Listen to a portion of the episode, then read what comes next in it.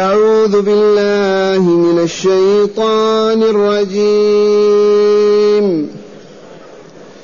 إن الإنسان خلق هلوعا إذا مسه الشر جزوعا وإذا مسه الخير منوعا إلا المصلين. الذين هم على صلاتهم دائمون والذين في أموالهم حق معلوم للسائل والمحروم والذين يصدقون بيوم الدين والذين هم من عذاب ربهم مشفقون. إن عذاب ربهم غير مأمون. والذين هم لفروجهم حافظون إلا على أزواجهم إلا على أزواجهم أو ما ملكت أيمانهم فإنهم غير ملومين. فمن ابتغى وراء ذلك فأولئك فأولئك هم العادون. والذين هم لأماناتهم وعهدهم راعون والذين هم بشهاداتهم قائمون والذين هم على صلاتهم يحافظون أولئك في جنات مكرمون. أحسنت. معاشر المستمعين والمستمعات من المؤمنين والمؤمنات قول ربنا جل ذكره إن الإنسان خلق هلوعا. إذا مسه الخير منوعا وإذا مسه الشر جزوعا. من هو الإنسان؟ الكافر. ولك أن تفهم أن الإنسان مطبوع بهذا الطابع إلا إذا أزاله. هذا الطبع إذا مسه الخير ما يشكر وإذا مسه الشر ما يصبر. الجزع والصياح وهاتان الصفتان لا يرضى بهما مؤمن أبدا. إذا مسك الخير تشكر الله تحمده تعبده وتثني عليه. مسك الشر مرض أو حاجة من الحاجات تصبر ولا تجزع ولا تسقط وتدعو الله عز وجل. لكن للخلاص من هاتين الصفتين الذميمتين القبيحتين ثمان مواد طبية ربانية. من استعملها شوفية. من استعمل هذه المواد الثمانية الربانية التي وضعها الرب تعالى من استعملها كما هي يشفى من هذا الجزع والهلع ويصبح الإنسان الكامل الآداب والأخلاق. ما هذه المواد الثمانية التي أنزلها الله الأولى المداومة على الصلاة. إلا الذين هم على صلاتهم دائمون. ليل نهار طول العمر.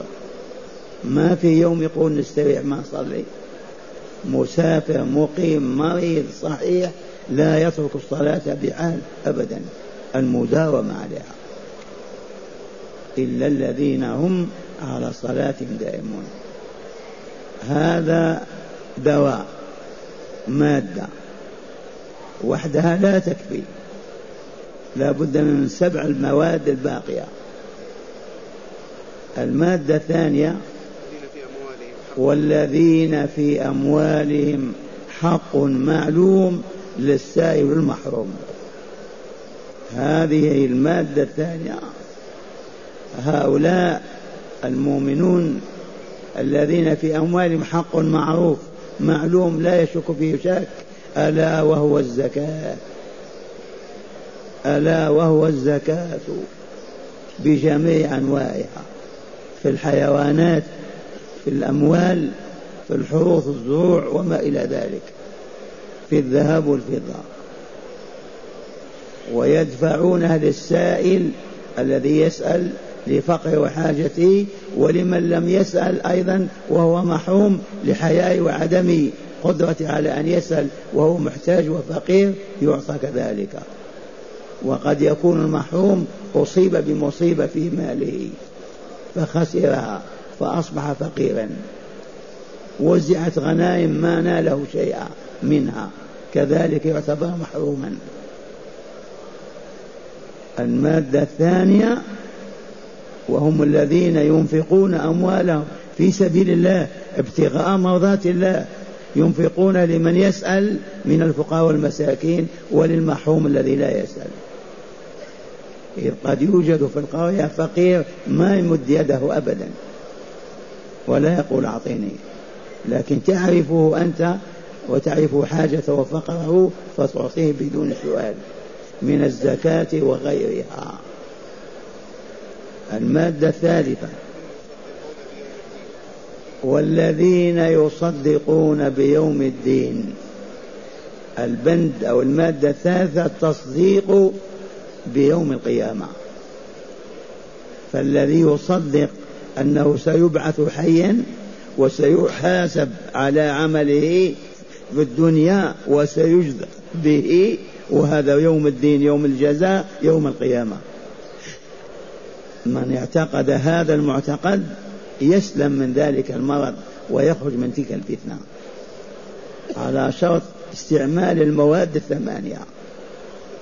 هذه الثالثة. والذين هم يصدقون بيوم الدين. ما يوم الدين ما يوم الجزاء يوم القيامة. يوم الدنيا هذا يوم عمل. يوم الآخرة يوم جزاء. الآن نعمل خيرا وشرا وغدا نجزى بعملنا الخير كالشر. ذي حكمة الله في خلقه. أوجد دارين. هذه الدار دار عمل وتلك الدار دار جزاء واستقرار أبدي. أهل الجنة فيها ناعمون وأهل النار فيها معذبون. المادة الرابعة. والذين هم من عذاب ربهم مشفقون. هذه المادة الرابعة.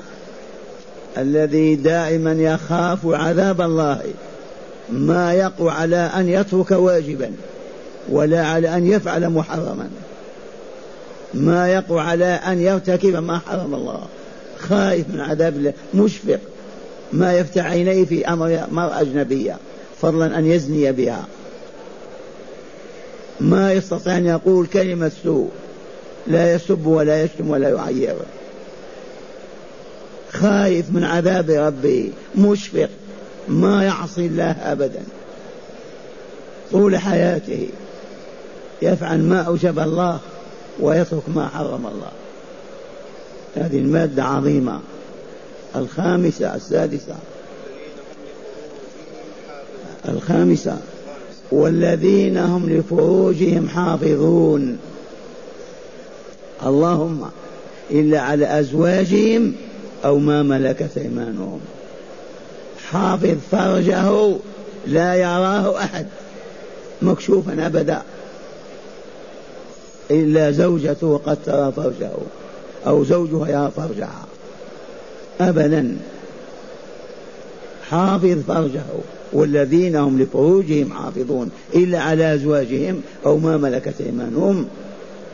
وما ملكت اليمين الإيماء السريات اللائي نكتسبهم نكتسبهن في الجهاد. ويوزعهن إمام المسلمين. أو تشتريها من مالك. هذه المملوكة أذن الله لك في أن تجامعها. وأن تكشف عورتك لها لأنها كالزوجة بإذن الله. والذين هم لأزواجهم والذين هم لفروجهم حافظون إلا على أزواجهم أو ما ملكت أيمانهم فإنهم غير ملومين. من يلومك إذا نكحت امرأتك؟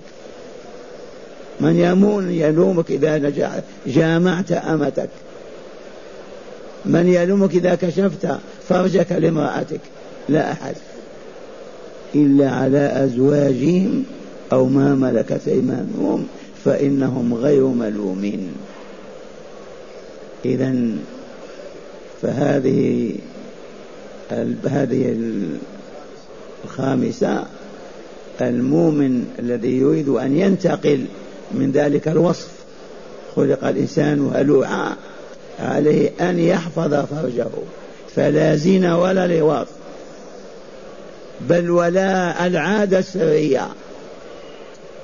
أبدا ما في إلا زوجة أو أما فقط. حتى العادات السرية التي يشيع أمرها بالناس لا تجوز لا تجوز لا تجوز. وهي الاستمناء باليد. لأن الآية تقول إلا على أزواجهم أو ما ملكت. بقي شيء ثالث؟ ما في شيء.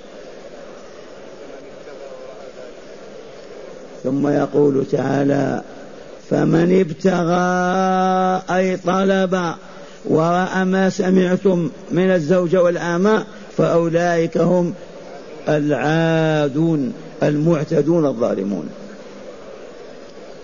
فمن طلب غير زوجته وأمته فهو المعتدي العادي الظالم.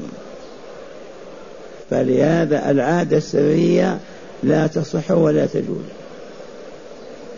فمن ابتغى أي طلب وراء ما سمعتم ما الذي سمعناه الزوجة والأمة فأولئك هم العادون جمع عادي وهو الظالم المعتدي. المادة السادسة. قوله تعالى والذين هم لأماناتهم وعهدهم راعون. رعاة يحفظون الأمانة بصورة عجب. والذين هم لأماناتهم التي تؤمن عليها ومن أولاها وأعلاها عبادة الله وطاعته وطاعة رسوله. ائتمن الله على دينه فنحن المسلمون. فيجب أن نرعى دين الله. فلا نسمح أبدا بسقوط الفريضة ولا بحلية محرم بحال من الأحوال. لأماناتهم وعهدهم وما عاهدنا عليه كالذي اؤتمنا عليه عاهدنا عهدا لا يمكن أن نخون فيه أبدا والأمانة كذلك. يضع عندك مليار دولار يغيب سنة عشر سنوات تقدم له كما هو. ولا تقول شيء. عاهدته معاهدة لا تخون ولا تغش ولا تكذب. ومن عاهد الله من باب أولى. عندما تقول لا إله إلا الله محمد رسول الله عاهدت الله فلا تعبد إلا الله اعبد الله ولا تعبد الله هو واتبع رسول الله وامشي وراه لتدخل الجنة. وتكون وفيت بالعهد. والذين هم لأماناتهم وعهدهم راعون. الثامنة السابعة والذين هم بشهاداتهم قراءة سبعية والذين هم بشهادتهم قائمون. وهكذا. إذا عندك شهادة تؤديها كما هي. لا تزيد ولا تنقص. لا تقدم ولا تؤخر. تؤدي الشهادة كما طلبت منك.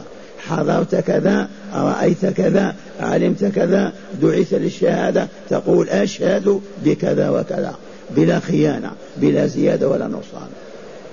كما تقول أشهد أن لا إله إلا الله وأشهد أن محمد رسول الله. هل يجوز أن تقول أشهد أن لا إله إلا الله ولا تعبد الله؟ تكذب. أو تقول أشهد أن لا إله إلا الله وترضى بمن يعبد مع الله غيره. ما وفيت. والذين هم بشهاداتهم قائمون. لا يميلون ولا ينحرفون. الله أكبر. من هؤلاء أولياء الله الناجون؟ ثامن المادة الثامنة من هذه الوصفة الطبية الربانية المحافظة على الصلوات الخمس. يؤديها في أوقاتها بأركانها بواجباتها بسننها بآدابها كما هي طول عمره. والذين هم على صلاتهم يحافظون. محافظة كاملة. ما ينقص منها ركعة ولا سجدة.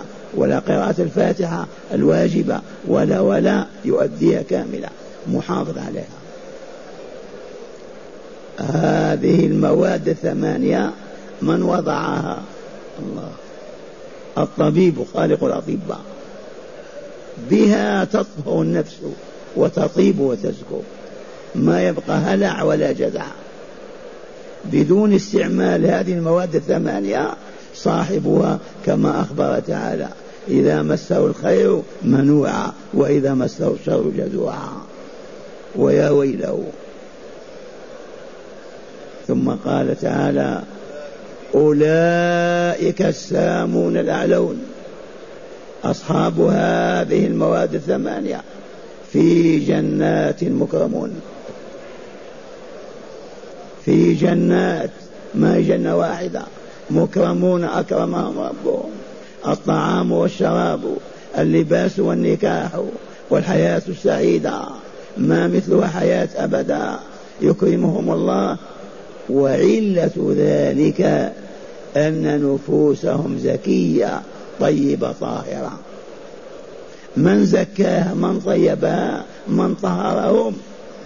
ما هي مواد التزكية والتطهير؟ الثمانية التي سمعتم. أدوات علاج لمرض الكفر والعياذ بالله والشرك والباطل.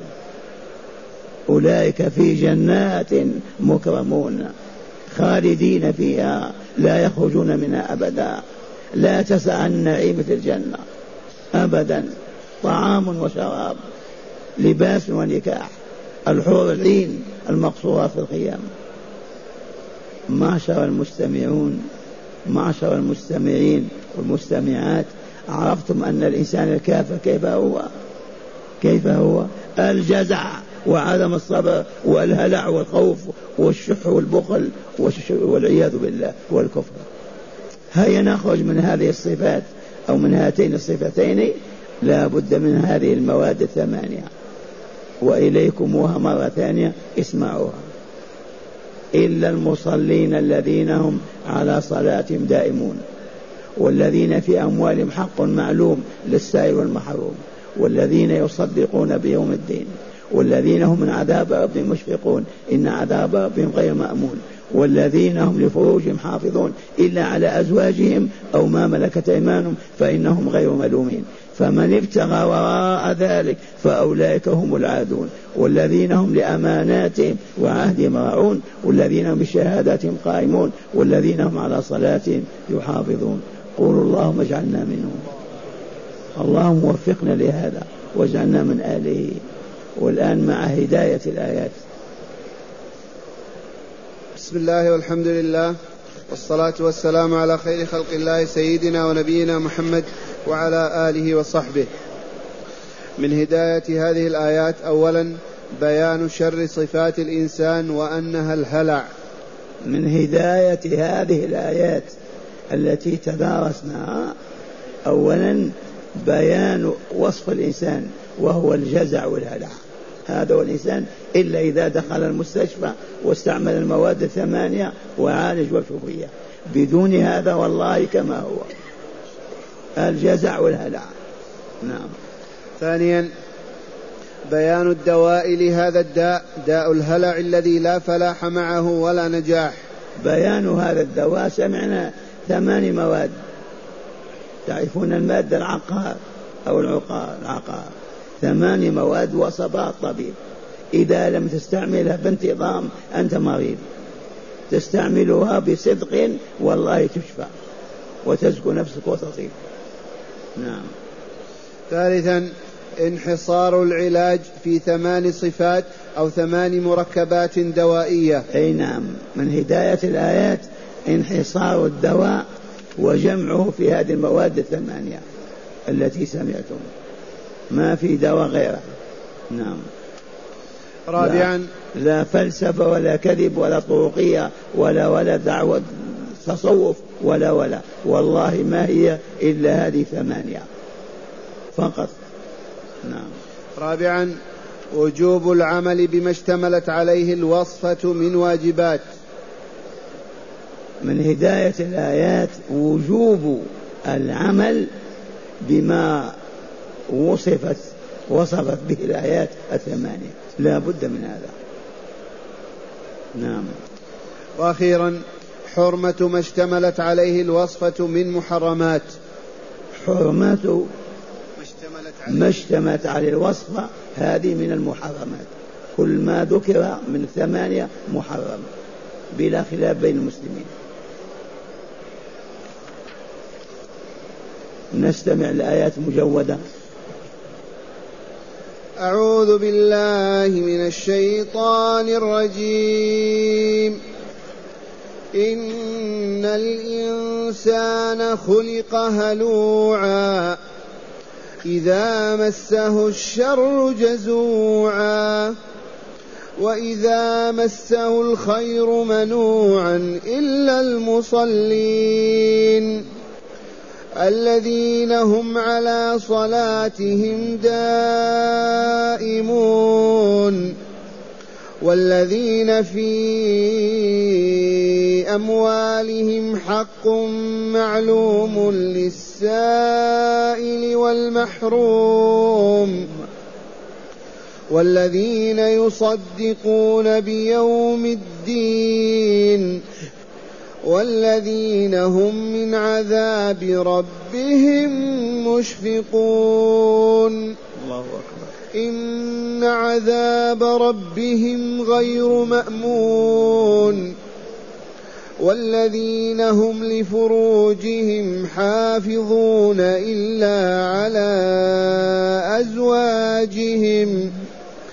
إلا على أزواجهم أو ما ملكت أيمانهم فإنهم غير ملومين فمن ابتغى وراء ذلك فأولئك هم العادون والذين هم لأماناتهم وعهدهم راعون والذين هم بشهاداتهم قائمون والذين هم على صلاتهم يحافظون أولئك في جنات مكرمون. اللهم اجعلنا منهم. معشر المستمعين هذه الوصفة الطبية في سورة المعارج. هل المسلمون يقرؤون القرآن ويعرفون هذه الوصفة؟ ويجتهدون في تطبيقها؟ القرآن يقرؤونه على الموتى. ما يجتمعون عليه أبدا ولا يتدارسونه أبدا. ادخل أي مسجد من مساجد المسلمين ما تجد حلقة كهذه يفسر فيها كلام الله طول العام. ومن ثم كيف نعرف؟ فإذا لم نعرف كيف نتقي؟ إذا ما عرفنا الشر كيف نتقيه ما عرفنا الخير كيف نفعله؟ ما عرفنا الأدب كيف نتأدب؟ لا بد من العلم. طلب العلم فريضة على كل مسلم ومسلمة. ولكن مع الأسف صرفون إلى المقاهي والملاهي وأبعدون عن كتاب الله.